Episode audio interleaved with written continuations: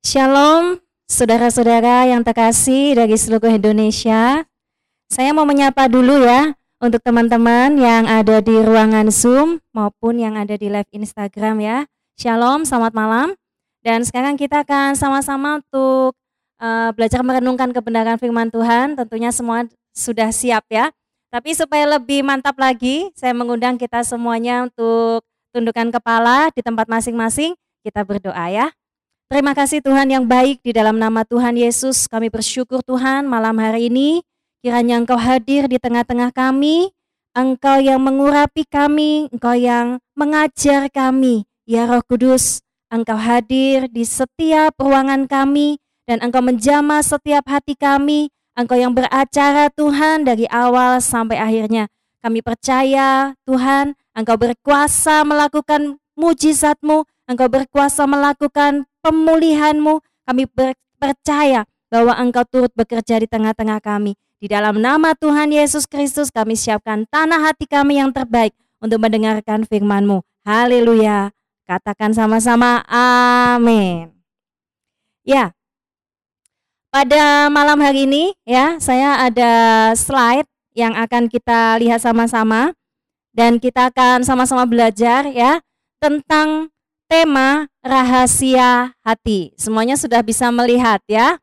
Oke, teman-teman yang dikasih Tuhan, uh, setiap kita ya, uh, setiap kita itu pasti punya yang namanya rahasia. Ya, setiap kita itu pasti punya yang namanya uh, rahasia. Ada yang rahasia yang tidak bahaya, ada juga rahasia yang ternyata itu menjadi potensial bahaya, ada juga rahasia yang tidak bahaya, gitu ya. Nah, bagaimana rahasia itu tercipta di dalam diri kita? Rahasia itu tercipta sejak kita masa kecil sampai pembentukan sampai pada remaja, kemudian dewasa ya. Dari segala macam pengalaman terbentuklah yang namanya karakter ya. Karena jiwa itu adalah bentukan dari sejak kita masih kecil ya, dari kita bayi itu sudah dibentuk. Jadi karakter itu ada dua. Yang pertama adalah sifat bawaan atau gen dari uh, orang tua ya. Yang kedua adalah dari pembentukan atau pengalaman yang membentuk jiwa atau karakter. Nah, dari sanalah teman-teman dibentuklah banyak rahasia.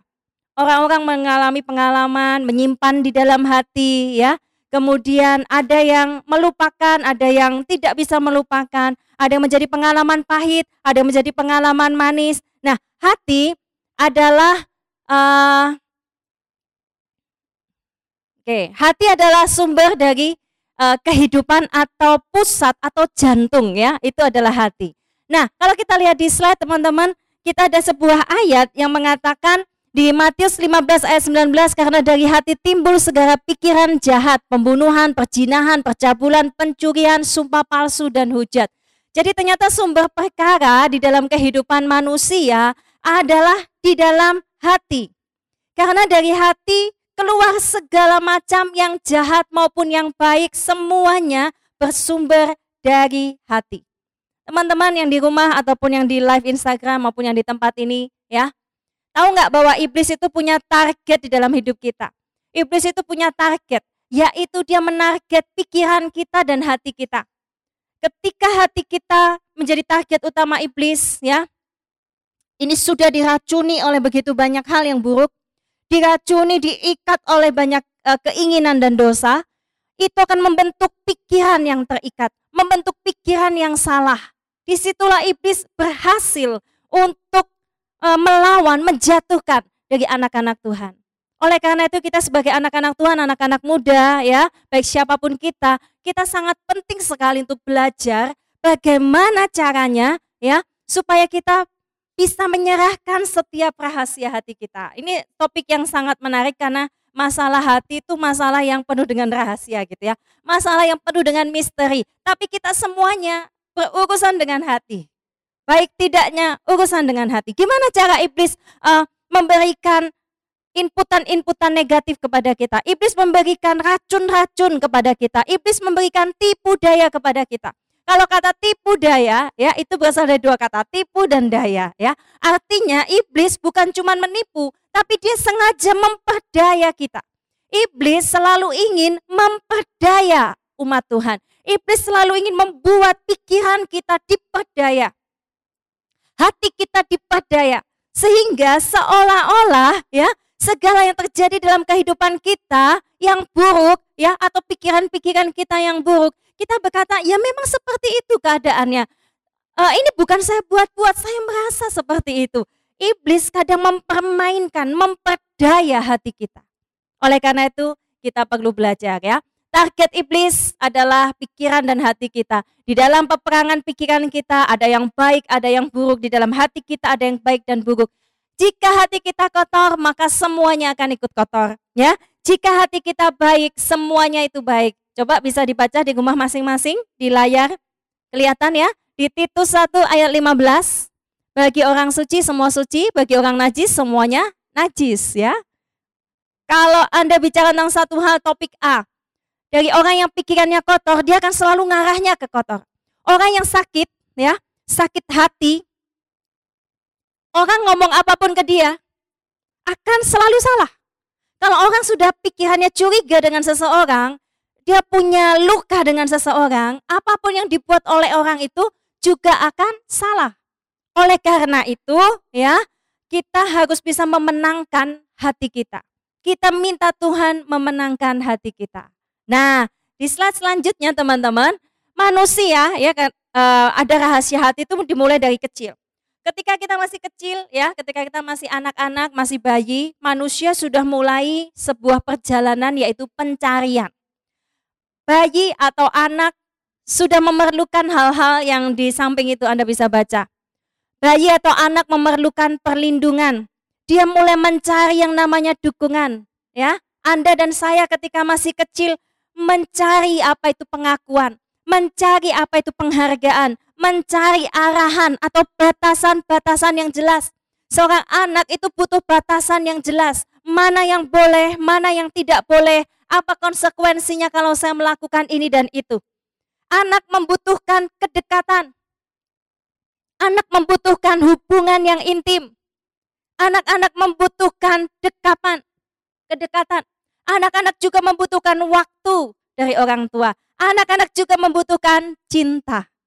Saudaraku yang dikasihi Tuhan, mulai dari anak kita sudah diperkenalkan untuk mencari sesuatu di dalam kehidupan kita untuk mencari sesuatu yang sempurna dari orang-orang di sekitar kita. Tapi sayangnya teman-teman yang dikasih Tuhan ya, tidak ada yang mendapatkan uh, tujuh poin itu, ada juga yang tidak mendapatkannya. Ya, kemudian ya akhirnya terjadi apa? Yang kita dapatkan penolakan. Berapa banyak sejak kecil kita merasa tertolak, merasa, ya, merasa. Belum tentu orang tuanya tuh menolak dia. Belum tentu sahabat-sahabatnya tuh menolak dia. Tapi yang namanya hati, ya, itu bisa mereka-reka. Dia merasa ditolak oleh orang tuanya.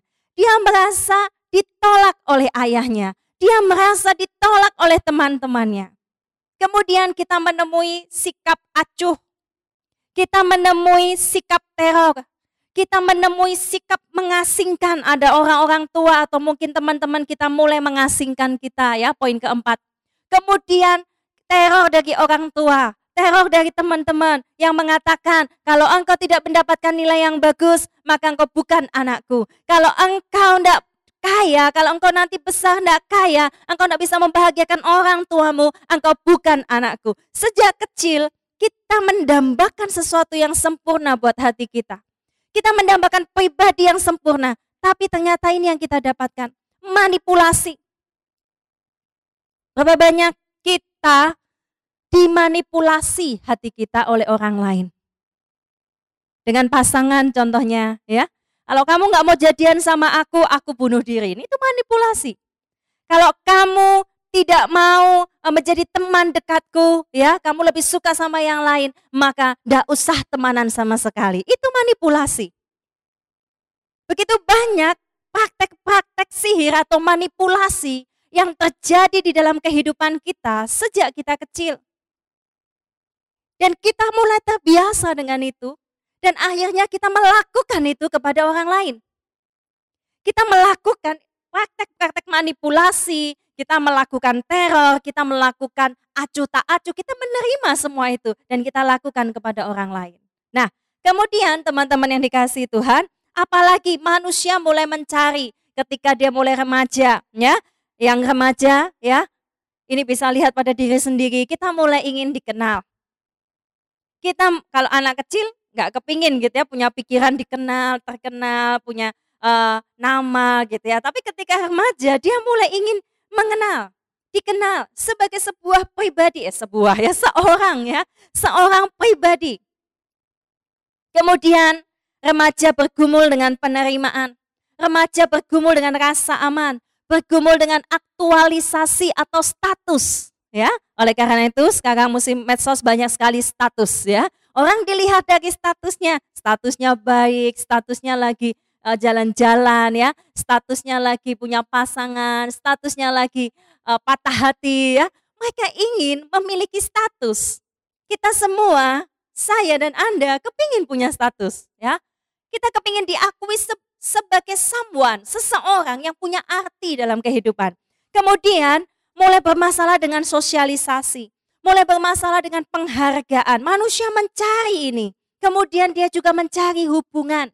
Remaja pun mencari kedekatan, mencari keintiman, mencari sebuah hubungan yang erat. Manusia mencari cinta. Teman-teman yang dikasih Tuhan, tidak bisa dipungkiri, inilah yang sedang kita cari. Kemudian ketika kita mulai dewasa, manusia ya atau remaja lah ya, dan mulai dewasa, kita mulai mengenal lawan jenis. Kita mulai mencari kekasih idaman, ya. Coba pikirkan di rumah masing-masing.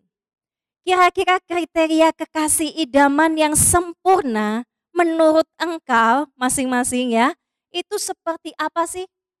Kebanyakan ya, 90% atau 95% kriteria kekasih idaman itu uh, sama. Tapi ada yang mungkin beda ya. Oh, aku suka yang punya kepala botak. Nah ya itu sesuatu yang beda ya. Yang mungkin 5 persennya. Tapi 95 persen semua kepingin yang sama. Entah itu pria, entah itu wanita. Kamu kepingin pasangan yang tentu mencintai engkau. Engkau kepingin pasangan yang pengertian ya. Apalagi yang ketiga, jujur, baik hati, perhatian, mau mendengar ya. Tidak sedikit-sedikit kita mau ngomong, eh dia sudah nyela gitu ya atau menyela dan akhirnya nggak jadi ngomong. Kita nggak bisa komunikasi karena pasangan kita atau orang yang kita sukai nggak mau mendengarkan kita. Itu nggak enak banget ya. Nah sejak kecil kita juga demikian. Kita ingin berbicara pada orang tua, kita ingin berbicara kepada sahabat. Banyak orang bermasalah dengan komunikasi. Mereka tidak menemukan sosok yang mau mendengarkan mereka, mendengarkan isi hati mereka yang paling dalam, sehingga mereka memutuskan menyimpan rapat-rapat segala sesuatu yang telah diinputkan dalam hati mereka sejak kecil. Kemudian pasangan yang diimpikan lagi setia.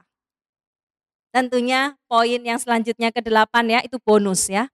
Artinya kalau kita mendapatkan pasangan kita pingin pasangan kita juga kecukupan tentunya ya. Atau kalau bisa kaya ya wah siapa yang nggak senang ya setiap minggunya berlibur ya. Kita kepingin nama baik.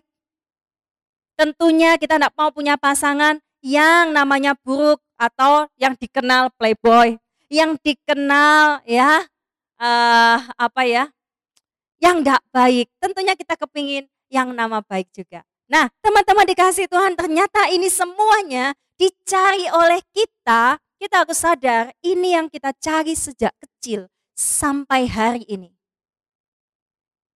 Dan ketika manusia menemukan pasangannya, ya, ketika manusia menemukan pasangannya, kita lihat orang berpikir kalau lihat gambar itu so sweet gitu ya. Satu bawa setengah hati, yang satunya lagi cowoknya bawa setengah hati. Jadi setengah tambah setengah berapa?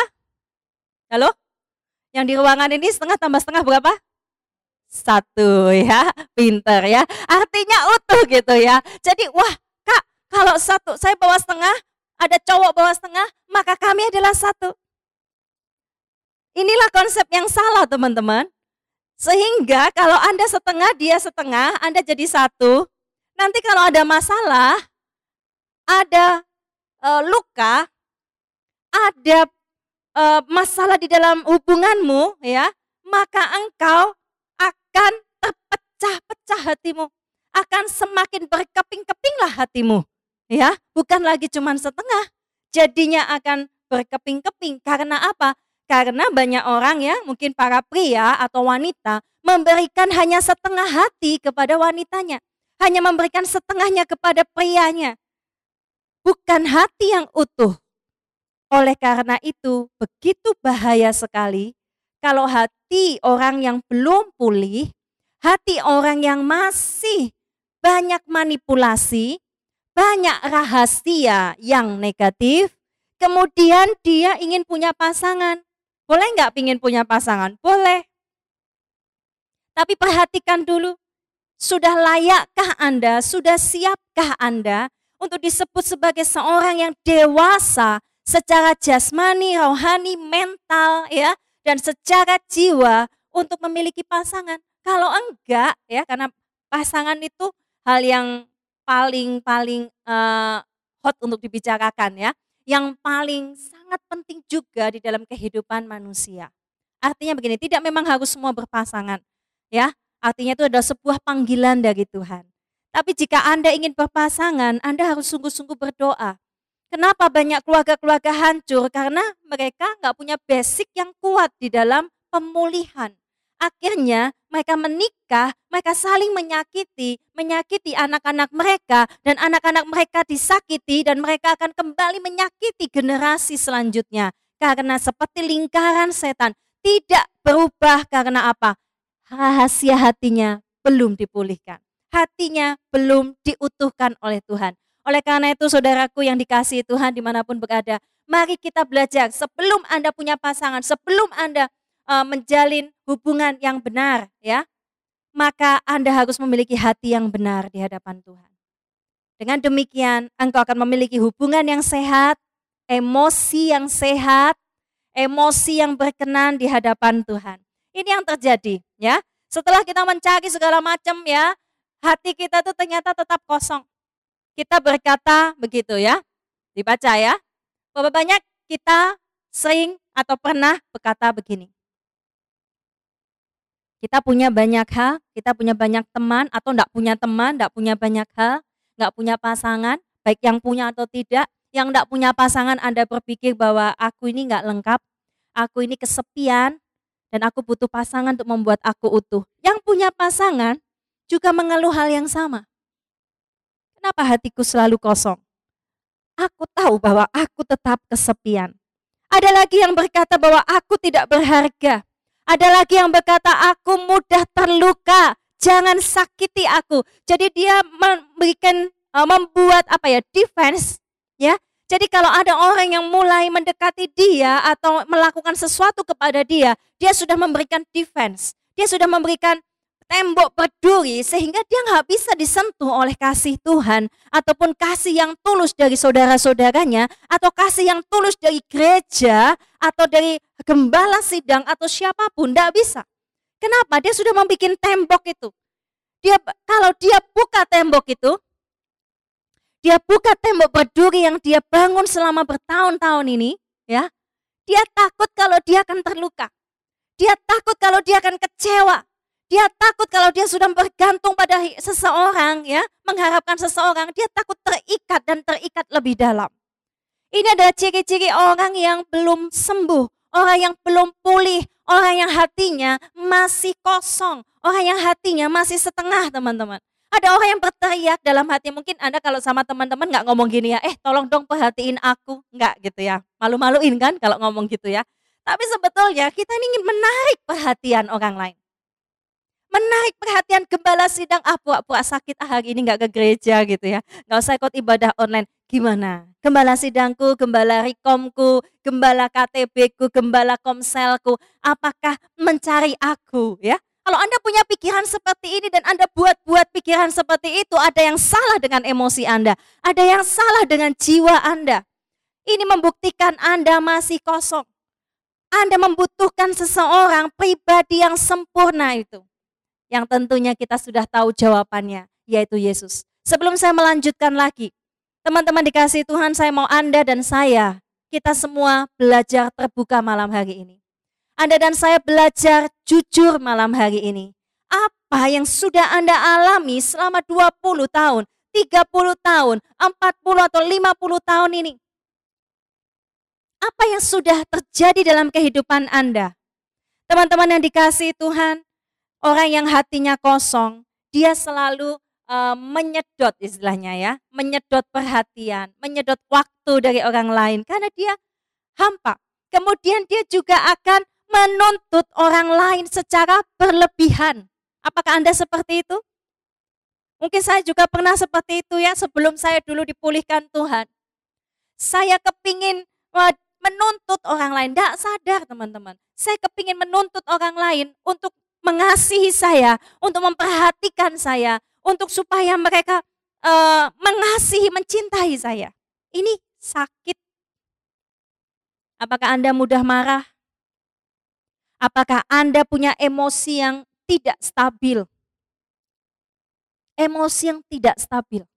Kalau Anda membiarkan ini, kenapa emosi nggak stabil? Ada sesuatu yang wrong dengan jiwanya. Ada sesuatu yang salah dengan hatinya. Sekali lagi hati adalah pusat jantung dari kehidupan manusia. Oleh karena itu, firman Tuhan di Amsal juga dikatakan, jaga hatimu dengan segala kewas padaan karena di sanalah terpancar kehidupan. Jadi orang yang tidak menjaga hatinya tidak ada kehidupan. Yang ada hanya kepahitan yang mengalir, yang ada hanyalah luka yang mengalir, yang ada hanyalah kata-kata negatif, hujatan, curiga, prasangka, segala sesuatu yang jahat mengalir di dalam hatinya. Teman-teman, saya mengundang kita semuanya, mari kita jujur malam ini. Sebelum saya lanjutkan, mari kita belajar terbuka. Saya catat ada uh, beberapa atau enam, enam ya, penyakit dari hati. Tapi sebelumnya Anda nanti cross check apakah saya termasuk di dalamnya atau tidak ya. Anda boleh catat-catat di rumah ya. Um, ini kan lagi online ya. Jadi Anda bisa catat di kamar, di rumah ya sambil nonton, sambil belajar firman Tuhan, sambil merenungkan kira-kira aku ini punya gejala seperti tadi enggak yang sudah disebutkan, ya. Kalau ada tadi gejalanya, kita akan bicara sekarang tentang sumber dari penyakit itu. Ada banyak gejala yang nampak di luar seperti tadi saya ceritakan ya. Mudah emosi, mudah marah, nggak stabil, menuntut orang lain ya. Gampang terluka. Tapi kita lihat ternyata ada sumber dari masalahnya. Yang pertama, saya sebutkan sebagai ketakutan. Ketakutan ini adalah penyakit hati yang pertama.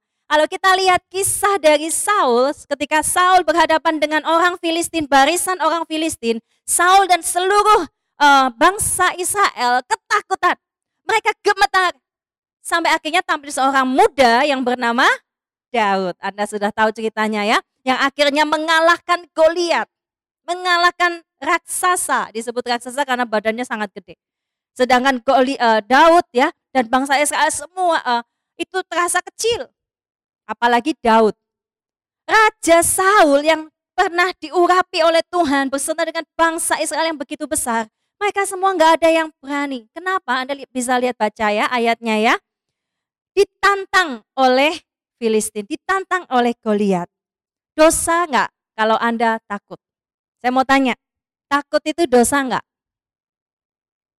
Ada yang berkata iya, ada yang berkata enggak, ya. Jadi ada dua macam ketakutan. Ketakutan yang menjadi dosa dan ada ketakutan yang harus sewajarnya, ketakutan yang baik. Seperti ya, kita uh, takut akan Tuhan, itu adalah konotasinya baik ya, bukan negatif. Takut uh, menyakiti hati orang tua kita, takut menyakiti hati Tuhan, ya. Ada takut yang buruk seperti Saul. Saul ini pada awalnya dia orang yang gagah perkasa, tapi kemudian dia menghadapi situasi di mana dia sangat ketakutan.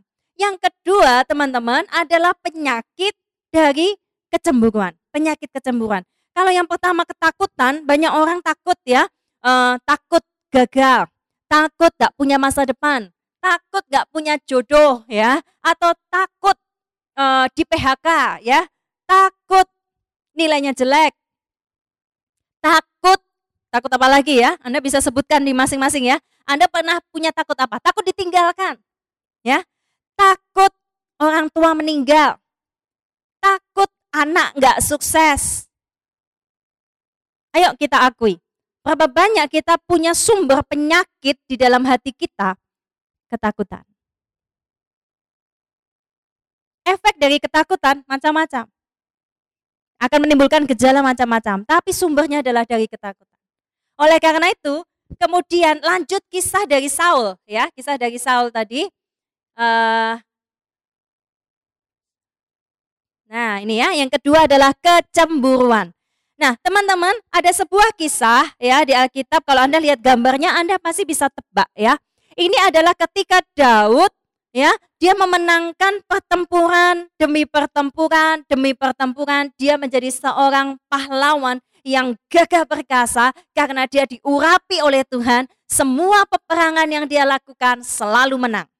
Dan akhirnya Anda bisa lihat wajah si Saul itu jengkelnya bukan main. Dia mulai cemburu, dia mulai iri dengan Daud si kecil ini. Ya, dia berkata dalam hatinya, kenapa dia disanjung-sanjung dan bukan aku? Aku kan raja. Kenapa yang disanjung, dipuji justru Daud? Dia mulai menyimpan yang namanya kecemburuan. Sejak kecil kita belajar rasa cemburu. Ya, ketika kita punya adik, saya punya adik ya. Jaraknya enam tahun dengan saya, cukup jauh ya. Ketika saya punya adik ya, awalnya senang. Tapi ketika mulai saya rasa orang tua saya lebih mengasihi adik saya. Sekali lagi, merasa. Sekali lagi, perasaan kita tidak harus selalu benar. Perasaan yang kita rasa kadang adalah fata morgana gitu ya. Kadang adalah tipu daya. Ketika saya merasa orang tua saya memarahi saya untuk hal yang saya anggap itu penting, mainan saya dirusak ya. Dan saya marah sekali kenapa justru saya yang dimarahin. Kenapa bukan adik saya yang dimarahin? Terbentuklah pola pikir dalam pikiran saya. Orang tua saya gak adil kepada saya. Terbentuklah pikiran di dalam hati dan pikiran saya. Saya cemburu dengan kasih. Saya cemburu, saya ingin mendapatkan perhatian nomor satu. Saya tidak suka menjadi orang nomor dua. Kenapa? Kita belajar cemburu. Contohnya kata-katanya, dia lebih disayang, dia lebih diberkati, apalagi dia lebih cantik, ya kan? Dia kok lebih ganteng, ya? Itu apa-apa Korea kenapa lebih ganteng dari saya, ya? Cemburu gitu ya. Kenapa aku tidak seperti dia? Teman-teman yang dikasih Tuhan, tahukah Anda bahwa kecemburuan ini adalah salah satu bentuk manifestasi dari kesombongan? Kenapa kok bisa begitu? Karena kita ingin menjadi lebih unggul dari orang lain. Kita nggak bisa terima kalau orang lain lebih dari kita. Kita nggak bisa terima kalau orang lain disayang lebih dari kita. Kita nggak bisa terima kalau orang lain diberkati diberikan kasih karunia lebih dari kita. Itu perasaan kita. Kita merasa tidak adil. Sekali lagi, berapa banyak Anda sering berkata, aku merasa, aku merasa, dan aku merasa. Saya belajar dalam kehidupan saya. Dulu sering kali saya mengandalkan uh, bergantung dengan perasaan. Saya merasanya begini ya, saya anggap itu kebenaran. Tapi itu menipu sekali teman-teman itu justru menghancurkan saya, mengikat saya, dan membuat emosi saya hancur. Membuat karakter saya yang sebenarnya Tuhan punya tujuan yang mulia, pribadi yang sempurna yang Tuhan rindukan di dalam saya, tidak terjadi, tidak terbentuk. Kenapa? Karena saya terikat dengan kata saya merasa, saya merasa dan saya merasa. Berapa banyak Anda sering merasa, merasa ini, merasa itu, merasa ini. Hati-hati. Kemudian diungkapkan lagi gitu ya. Eh aku merasa kamu gak sayang lagi loh sama aku. Eh aku merasa kamu begini loh sama aku. Gawat teman-teman. Hati-hati. Apa yang kita ungkapkan itu juga akan melukai orang lain. Padahal orang lain itu nggak ada apa-apa sama kita. Ya, jadi itu bahayanya. Kecemburuan sekali lagi adalah bentuk dari kesombongan, ya. Dan Anda tahu kesombongan, kecemburuan ini tentu dosa, ya. Ini akan menjadi penyakit yang berbahaya. Kemudian dari ada tahap-tahap bisa? Nah, penyakit hati atau kecemburuan itu dimulai yang pertama dari pembandingan, ya. Jadi kita mulai bandingin, yang kedua, seperti Saul tadi ya, dia mulai cemburu dengan Daud. Dia mulai iri, bandingin. Setelah dibandingin dia depresi. Setelah dia depresi, stres ya. Akhirnya kan Anda tahu ya, Saul kan jadi stres ya. Dia jadi gila lama-lama ya. Kenapa? Dia nggak kuasai hatinya. Dia nggak mau hentikan. Mulai dari ketakutan, kecemburuan ini dia nggak hentikan sampai di sini. Nanti kita lihat, dia akan semakin menggila tentunya. Ya. Nah, kemudian dimulai lagi dari apa tadi tak puas, tidak puas, ya. Jadi depresi, mengeluh, suka mengeluh, kenapa begini, kenapa begitu, ya, tidak puas. Kalau anda lihat gambarnya di situ, itu yang di belakang lihat temennya yang di depan itu kenapa uh, apa itu tanamannya bisa subur gitu ya? Kenapa kok tanamannya bisa bagus gitu rumputnya, ya? Kenapa punya saya kecil? Kenapa kok punya saya jelek? Dan lama-lama ini nggak dibereskan, mulai ingin mencelakai. Ya, mulai ingin mencelakai. Saul mulai ingin ada kepikiran mencelakai si Daud. Kemudian akan muncul hati dan pikiran yang semakin liar. Semakin menggila. Dan terkadang saya kasih tahu, orang yang punya kecemburuan, ya, kecemburuan, iki hati. Selain itu adalah bentuk kesombongan, dia itu bisa punya manifestasi pengasihanan diri. Perhatikan baik-baik. Kecemburuan bisa mengambil sebuah manifestasi mengasihani diri. Setelah dia nggak mendapat apa yang dia inginkan, dia merasa orang lain lebih dari dia, dia marah, dia kecewa, dia mulai mengasihani diri. Tetapi bedanya teman-teman, pengasihanan dirinya dia mengandung amarah yang pasif. Tahu ya, amarah yang pasif jadi memang nggak ditunjukin terang-terangan, aku ngamuk, ya aku marah ya, gitu ya. Tapi pasif, dia simpan itu, dia marah, dia cemburu. Kemudian teman-teman kita lanjut lagi ya ke slide selanjutnya. Kebencian. Anda lihat gambar Saul mulai ambil lembing, mulai menggila. Setiap kali Daud uh, main musik, Daud harus berjaga-jaga ya sambil main musik, sambil main kecapi, sambil lihat uh, apa senar-senar dia melihat melirik-lirik ke Saul ya. Jangan-jangan Saul menggila lagi. Jangan-jangan saya dilempar apa lagi kali ini. Kalau dilempar makanan saya makan ya. Kalau dilempar sama lembing bahaya nih, saya bisa mati. Dia mulai menggila, dia mulai membenci si Daud ini. Penyakit dosa yang tidak dibereskan di dalam hati akan semakin buruk. Teman-teman yang dikasih Tuhan berapa banyak kita ini membiarkan begitu saja hati kita. Kalau Anda punya uh, handphone saja, Anda perlu sesekali harus mengeceknya ya. Harus sesekali Anda harus membersihkan dari virus, harus dicek kembali di update virus antivirusnya ya. Kemudian Anda harus membersihkan gambar-gambar video yang tidak penting, yang akhirnya memenuhi handphone Anda. Solusinya bukan ganti handphone dan ganti handphone terus ya. Solusinya adalah cek dulu handphone kamu. Jangan-jangan di dalam handphone kamu ya ada banyak file-file yang besar sekali kapasitasnya yang nggak penting, yang sudah usang, yang nggak perlu lagi disimpan. Nah, kesalahan kita, kita sering menyimpan segala sesuatu yang tidak penting lagi buat kehidupan kita dan kita anggap itu penting. Ini akan menimbulkan lama-lama kebencian dan kebencian. Apa sih bedanya tidak suka dengan benci? Kalau sekedar tidak suka, teman-teman, Anda harus bisa bedakan gini ya. Antara Anda nggak suka dengan perbuatannya, sifatnya, atau Anda nggak suka sama orangnya. Kalau Anda mulai nggak suka sama orangnya, mulai mengarah ke personalnya dia, ya, ke pribadinya dia, dan Anda mulai membenci dia, Anda sudah jatuh di dalam kebencian. Beda dengan tidak suka. Anda bisa nggak suka dengan cara temanmu makan. Ya, kaki di atas, kalau makan kreokok gitu ya. Wah, banter sekali kalau makan. Anda nggak suka, ih, berisik amat sih gitu ya. Tapi bukan berarti Anda benci. Coba tes hati kita. Jangan-jangan hari-hari ini Anda sedang punya yang namanya penyakit ini.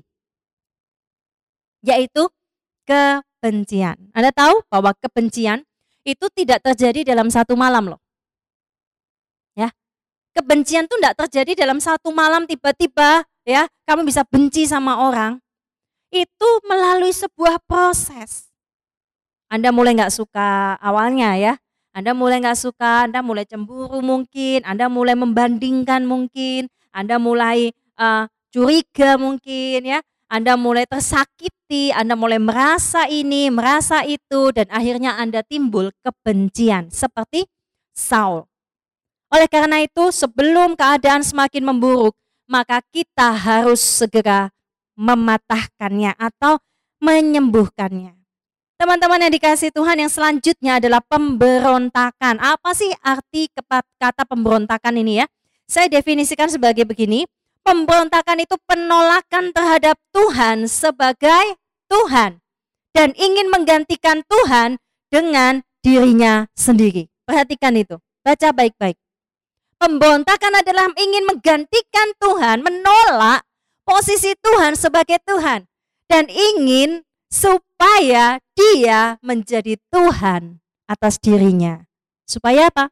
Bisa mengatur hidupnya sendiri bisa mengatur jalan cerita hidupnya sendiri.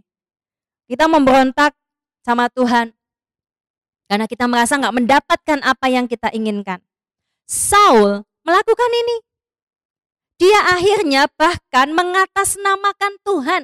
Kalau Anda baca di 1 Samuel 23 ayat 7, ya, pada saat dia mengejar si Daud, Daud masuk ke kota yang yang uh, apa ya tertutup begitu ya di Kehila Lalu Saul kan lagi kejar. Dia lihat Daud masuk ke kota Kehila. Lalu dia bilang begini, ah hari ini Tuhan menyerahkan Daud ke tanganku. Aneh. Tuhan gak pernah menyerahkan Daud ke tangan Saul. Tuhan gak pernah menyertai Saul di dalam pengejarannya kepada Daud. Tapi dia merasa dia disertai Tuhan pada waktu itu. Dia merasa dia akan bisa menangkap Daud. Tapi akhirnya enggak, ya, enggak jadi. Ini kenapa teman-teman bisa sampai seperti ini? Ini pemberontakan. Dia bahkan mengatasnamakan Tuhan, hati-hati. Pemberontakan selalu berkata, mengapa Tuhan begini, mengapa Tuhan begitu, dan kenapa enggak begini saja? Kenapa enggak, enggak aku uh, punya orang tua yang begini aja? Kenapa aku enggak punya suami yang begini aja? Kenapa suamiku begitu? Kenapa istriku begitu? Kenapa orang tua aku begitu? Kenapa nggak begini? Bahwa banyak kita bertanya seperti itu dalam hati kita teman-teman. Anda tahu itu bentuk pemberontakan? Dan dalam pemberontakan itu ada aktif, ada pasif. Pemberontakan yang pasif dia akan semakin mengasihani diri. Ya, seperti tadi juga hampir sama penyakitnya ya. Mengasihani diri ya, tapi dalam hatinya penuh dengan amarah, dia tidak mau menerima Tuhan sebagai Tuhan. Hati-hati, dosa pemberontakan ini dosa mula-mula kejatuhan dari malaikat Tuhan dan akhirnya dibuang ya, yaitu Lucifer ya. Anda tahu itu karena apa? Dia sombong ya. Dia juga ingin menjadi sama seperti Tuhan. Itu adalah dosa pemberontakan. Yang kelima, ya saya lanjutkan lagi. Yang kelima adalah dosa atau penyakit hati kemarahan. Ini kalau tadi cerita tentang Saul, kita cerita tentang Daud. Ketika Daud uh, dalam perjalanannya, ya, dia ketemu dengan Nabal. Ya, anda yang nggak tahu itu gambarnya itu siapa itu Nabal ya. Itu gambar ilustrasinya. Nabal. Nabal itu adalah orang bebal yang kaya, ya, punya ladang, punya gembala, ternak. Dan Daud ini ya sebelum ketemu dengan si Abigail istrinya dan Nabal ya, pada waktu itu sebelum kisahnya itu dia menjaga kawanan domba, dia menjaga para gembala yang mau diganggu oleh bandit-bandit misalnya ya. Dia jaga. Dan pada waktu itu dia membutuhkan makanan ya, dia sedang lewat, dia ingin meminta sedikit. Tetapi yang terjadi apa? Ya, diusir, dipermalukan dan sebagainya. Sampai akhirnya Daud, seorang Daud loh. Dia tiba-tiba bisa sangat marah. Apa itu amarah? Amarah adalah ledakan emosi yang tidak terkendali. Amarah adalah ledakan emosi yang tidak terkendali. Dosa enggak kalau marah? Ada dua ya. Yang pertama adalah marah yang salah dan marah yang benar. Jadi marah yang benar tentunya tidak dosa. Tapi marah yang salah itu ingin balas dendam. Marah yang salah adalah ingin membalas. Ya, kalau ada dendamnya tuh kelihatannya kayak film-film yang mengerikan gitu ya. Tapi kalau ingin membalas itu kita semuanya pernah gitu kan. Aku nggak ingin balas dendam kok, ingin balas. Artinya apa? Kalau orang melakukan ini sama saya, itu otomatis kita nggak belajar, kita nggak pelajari gimana cara balas, itu otomatis terjadi dalam hati dan pikiran kita. Aku ingin balas. Itulah hati manusia yang sudah rusak. Hati manusia yang sudah jatuh dalam dosa. Kita ingin membalas. Kalau orang jahatin kita, mamaku jahat sama aku, aku balas. Balasnya dengan apa? Berontak. Marah-marah akhirnya. Ya, Bahkan ada yang membalas dengan minggat dari rumah. Banyak macam cara kita membalas. Oleh karena itu, ini amarah yang tidak terkendali. Daud pernah marah, ya. Kemudian lanjut yang keenam, yang terakhir ya dari enam penyakit hati yaitu keputusasaan. Ada sebuah kisah Saul ketika dia sudah putus asa mendekati ajalnya. Kalau Anda lihat di pasal 30-an tuh dia mau meninggal ya. Tapi sebelumnya pasal 28 dia itu menemui seorang uh, dukun. Dukun wanita yang padahal pada waktu itu sudah diperintahkan, dia memerintahkan sendiri semua dukun tuh enggak boleh. Enggak boleh ada praktek pedukunan lagi, pemanggilan arwah. Tapi dia karena putus asa, dia sudah enggak punya jalan keluar terhadap hatinya yang belum diserahkan, hatinya yang penuh dengan emosi, dengan segala macam kejahatan tadi yang enggak dibereskan dari awal, Coba Anda bayangkan kalau dari awal dia bereskan itu, mungkin nggak sampai seperti ini. Bahwa banyak orang e, putus asa dalam hidupnya dan akhirnya apa? Tidak menemukan alasan untuk hidup. Saul kebingungan. Dia ingin mendengarkan suara penuntunnya yaitu Samuel. Akhirnya dia panggil arwah. Ada banyak kontroversi ya yang nggak usah dibahas hari ini. Apakah ini arwah sungguhan dari Samuel ataukah ini uh, setan? Ya, itu hal yang seru sekali mungkin bisa dibahas di apologetik ya atau atau mungkin pendalaman Alkitab ya. Mungkin ada yang berkata, "Loh, kok Kristen manggil arwah?" gitu ya. Nah, itu ada banyak pendapat. Yang pertama itu arwah sungguhan karena dia pada waktu itu orang meninggal sebelum Yesus uh, datang ke dunia orang mati ya, semua yang mati di perjanjian lama itu masuk di sebuah tempat ya atau Hades gitu ya. Terus kemudian nanti baru ketika Yesus datang itu kan disuruh percaya gitu ya penginjilan orang mati yang terjadi sekali ya. Nah, ada yang berkata itu arwah Samuel, ada yang berkata itu iblis ya. Tapi terlepas dari itu kita lihat Saulnya bahwa Saul ini sudah putus asa banget. Ada banyak orang juga itu yang nggak menemukan alasan lagi untuk apa dia hidup. Ada orang yang berkata kepada saya dia ingin keluar gereja. Dia mau pindah. Dia mau pergi ke kota lain dan berkata bahwa aku nggak punya alasan untuk di kota ini. Aku nggak punya alasan lagi untuk apa aku di gereja ini. Aku nggak menemukan alasannya. Dalam hati saya cuman geleng kepala gitu ya. Saya cuman sedih. Kok bisa-bisanya orang tidak menemukan alasan di dalam hidupnya? Ini kalau bukan orang putus asa teman-teman. Ini orang putus asa. Orang yang nggak bisa lagi menemukan tujuan Tuhan di dalam hidupnya. Buat apa aku pelayanan? Buat apa aku melayani? Buat apa aku hidup? Buat apa aku di gereja ini? Buat apa aku melayani Tuhan? Kalau kita nggak menemukan alasan itu lagi, Anda sudah termasuk menjadi orang yang sakit. Anda sudah punya penyakit, penyakit hati. Dan kalau Anda biarkan itu, Anda akan bisa kehilangan rencana Tuhan yang sempurna dalam hidupmu. Sekalipun saya percaya bahwa Tuhan sanggup memulihkan hati kita. Tuhan bisa sanggup memulihkan tujuannya di dalam hidup kita. Jangan sampai kehilangan tujuan. Jangan sampai engkau kehilangan ya pengharapan. Saul kehilangan, dia putus asa. Teman-teman, kita lanjut lagi ya. Bagaimana solusi penyakitnya? Secara cepat aja Anda bisa baca. Di situ ada iman, itu akan mengalahkan ketakutan seperti Daud. Belas kasihan akan mengalahkan kecemburuan. Karena kalau Anda cemburu ya, itu kan Anda membandingkan.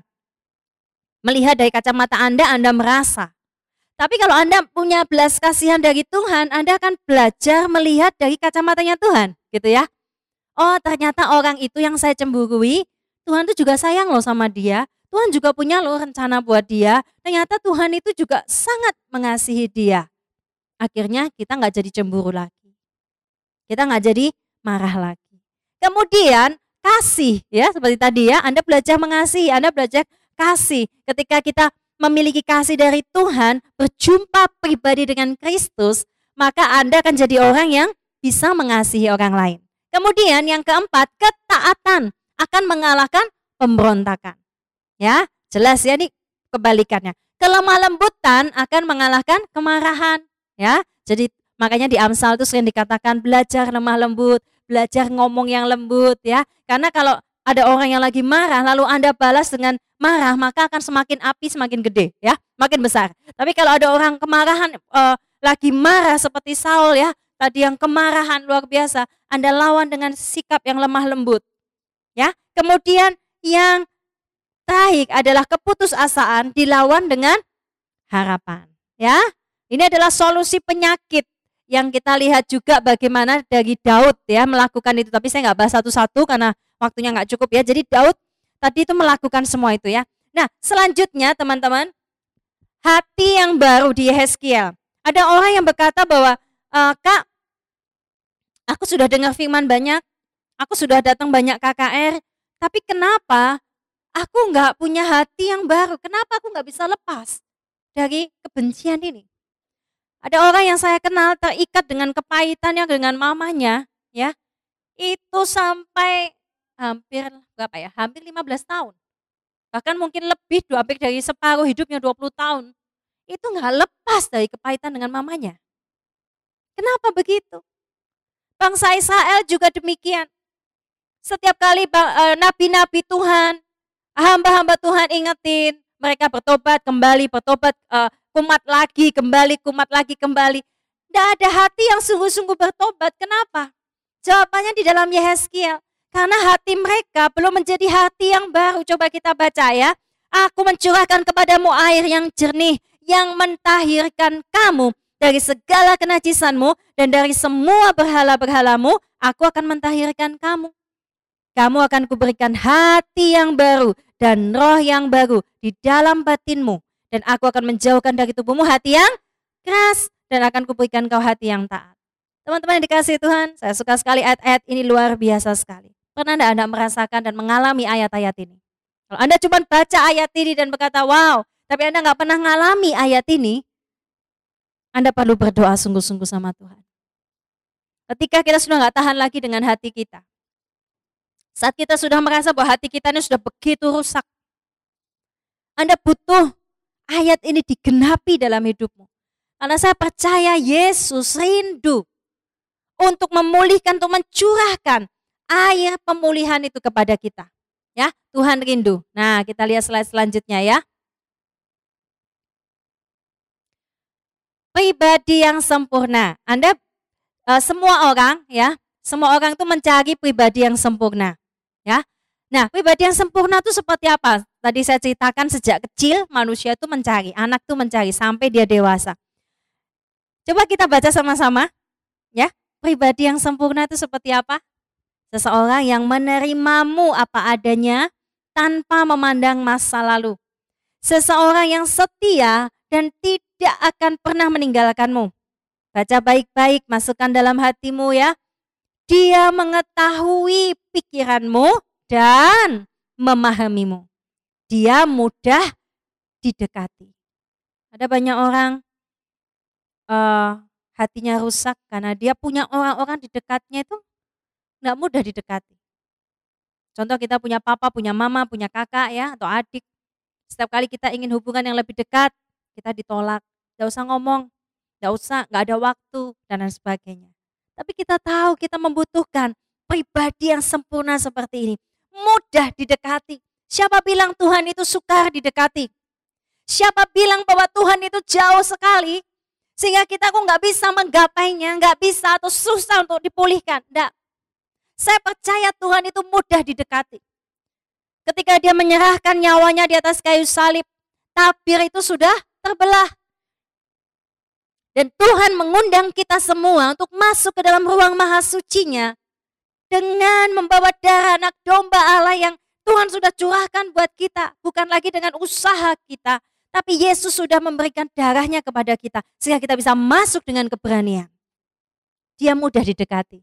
Ya, dia adalah teman yang sempurna. Dia itu komunikator dan pendengar yang baik. Tuhan itu mudah dipahami, mudah disenangkan. Kalau Anda punya orang tua atau diri Anda adalah orang yang suka disenangkan, tahu orang yang suka disenangkan tuh gimana?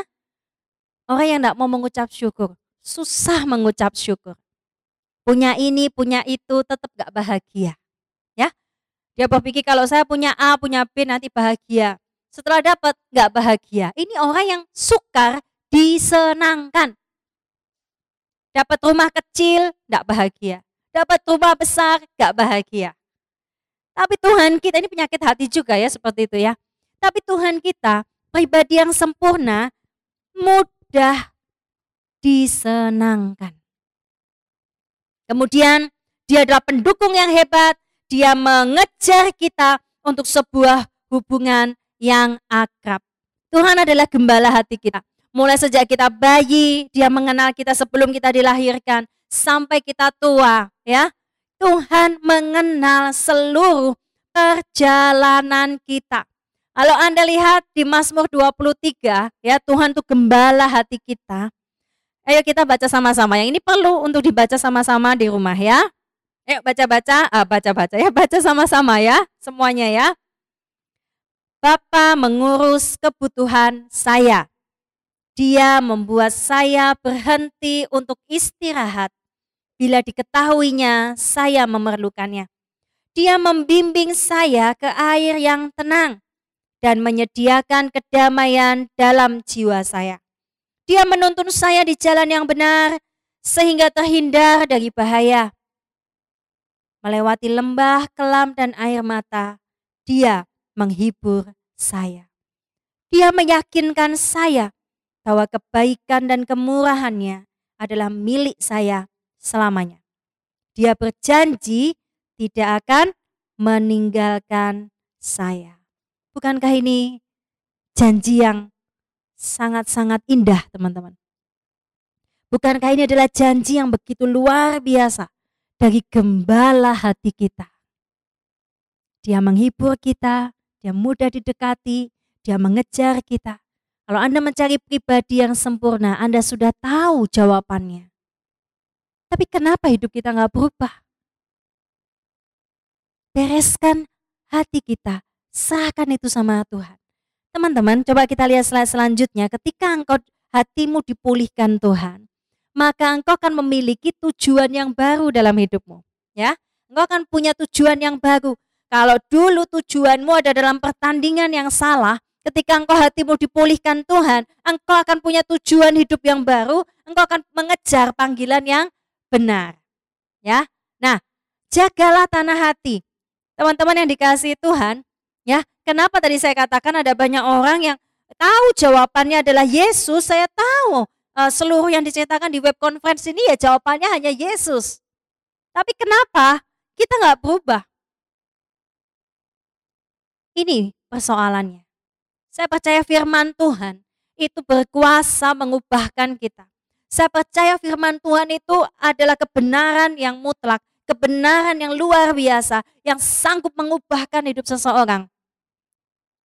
Tapi banyak orang tidak bisa membiarkan firman itu bertumbuh dalam hidupnya Karena perkara ini. Kan dibilang jagalah hatimu. Tapi yang terjadi apa? Ya, saya percaya penabur di perumpamaan di dalam Lukas pasal 8 ini ya. Di dalam eh, penabur ini menaburkan benih itu kepada ladang ya atau tanah. Di situ kan ada jalan, ada batu, ada semak ya. Saya percaya penabur ini tidak sengaja atau bertujuan untuk menaruhnya di pinggir jalan. Dia pasti inginnya di tanah yang baik. Tapi ketika menabur secara universal begitu ya, ketika seperti ini saya menyampaikan firman Tuhan, saya tabur kepada semua. Ada 100 lebih mungkin atau 200 orang atau 300 orang yang akan mendengarkan mungkin ya atau di YouTube atau di mana pun. Saya tabur. Tapi ini yang yang menjadi pembedanya. Yang pertama ya adalah jatuh di pinggir jalan dimakan burung diinjak orang. Yang kedua yaitu tanah bebatuan. Tidak bisa bertumbuh karena ada banyak batu dalam hatinya. Teman-teman, dulu hidup saya, hati saya ada banyak batu. Apa batu-batu di dalam hatimu? Bisa itu berupa kemarahan, penyakit-penyakit hati yang tadi saya sebutkan. Ya, itu adalah batu-batu yang membuat kita nggak bisa bertumbuh lebih dalam Tuhan. Kita memang bertumbuh kelihatannya, pelayanan, uh, suka hal-hal rohani ya, tapi mentok pertumbuhan kita. Dan lama-lama kalau akarnya nggak bisa sampai ke bawah, Anda tahu kalau akar nggak bisa bertumbuh dengan baik ya, lama-lama dia mati.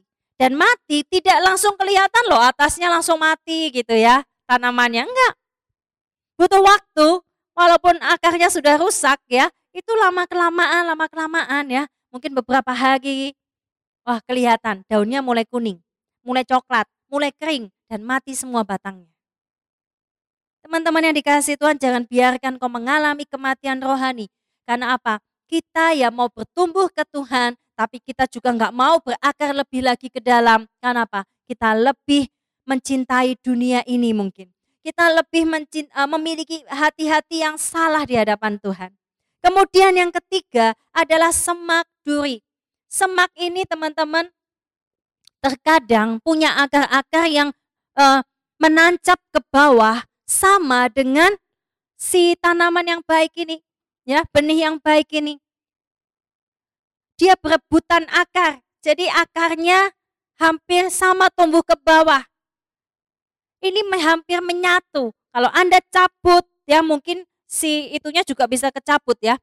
E, benih atau tanaman yang mulai kecil itu mulai tercabut juga. Teman-teman, ini bahaya sekali kalau Anda memiliki dua tuan dalam hidup kita. Di dalam hati kita ada dua tuan.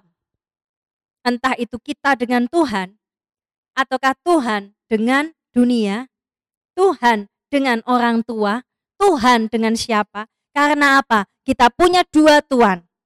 Ada dua akar. Dan ini sangat berbahaya. Cinta akan dunia, kekhawatiran hidup. Ya, dan yang terakhir, tanah yang baik. Teman-teman yang dikasih Tuhan, ya sebentar lagi kita akan berdoa terlebih dahulu sebelum nanti kita ada kesaksian tanya jawab ya. Yang terakhir teman-teman, mari kita belajar membagikan hati kita kepada Tuhan. Ya, yang di rumah sekalipun kita tidak bisa bertatap muka dan saya mendoakan secara langsung ya. Tapi saya berdoa Roh Kudus hadir di tempat Anda masing-masing. Anda mengerti firman. Tapi saya berdoa lewat pemberitaan firman yang singkat pada malam hari ini membuat Anda tercelik, membuat Anda diingatkan kembali betapa Tuhan adalah gembala hati kita yang sanggup memulihkan kita. Serahkan hati kita. Tuhan tidak hanya menginginkan hati yang sempurna, pekerjaan-pekerjaan kita yang sempurna atau orang yang sempurna. Tuhan menginginkan orang-orang yang lemah, yang hancur, yang patah hatinya. Tuhan rindu untuk menerima semua pemberian kita. Ya. Dan yang terakhir ada sebuah ayat yang luar biasa. Ya. Ayat yang luar biasa. Nah, yang terakhir mana ya? Coba slide yang terakhir.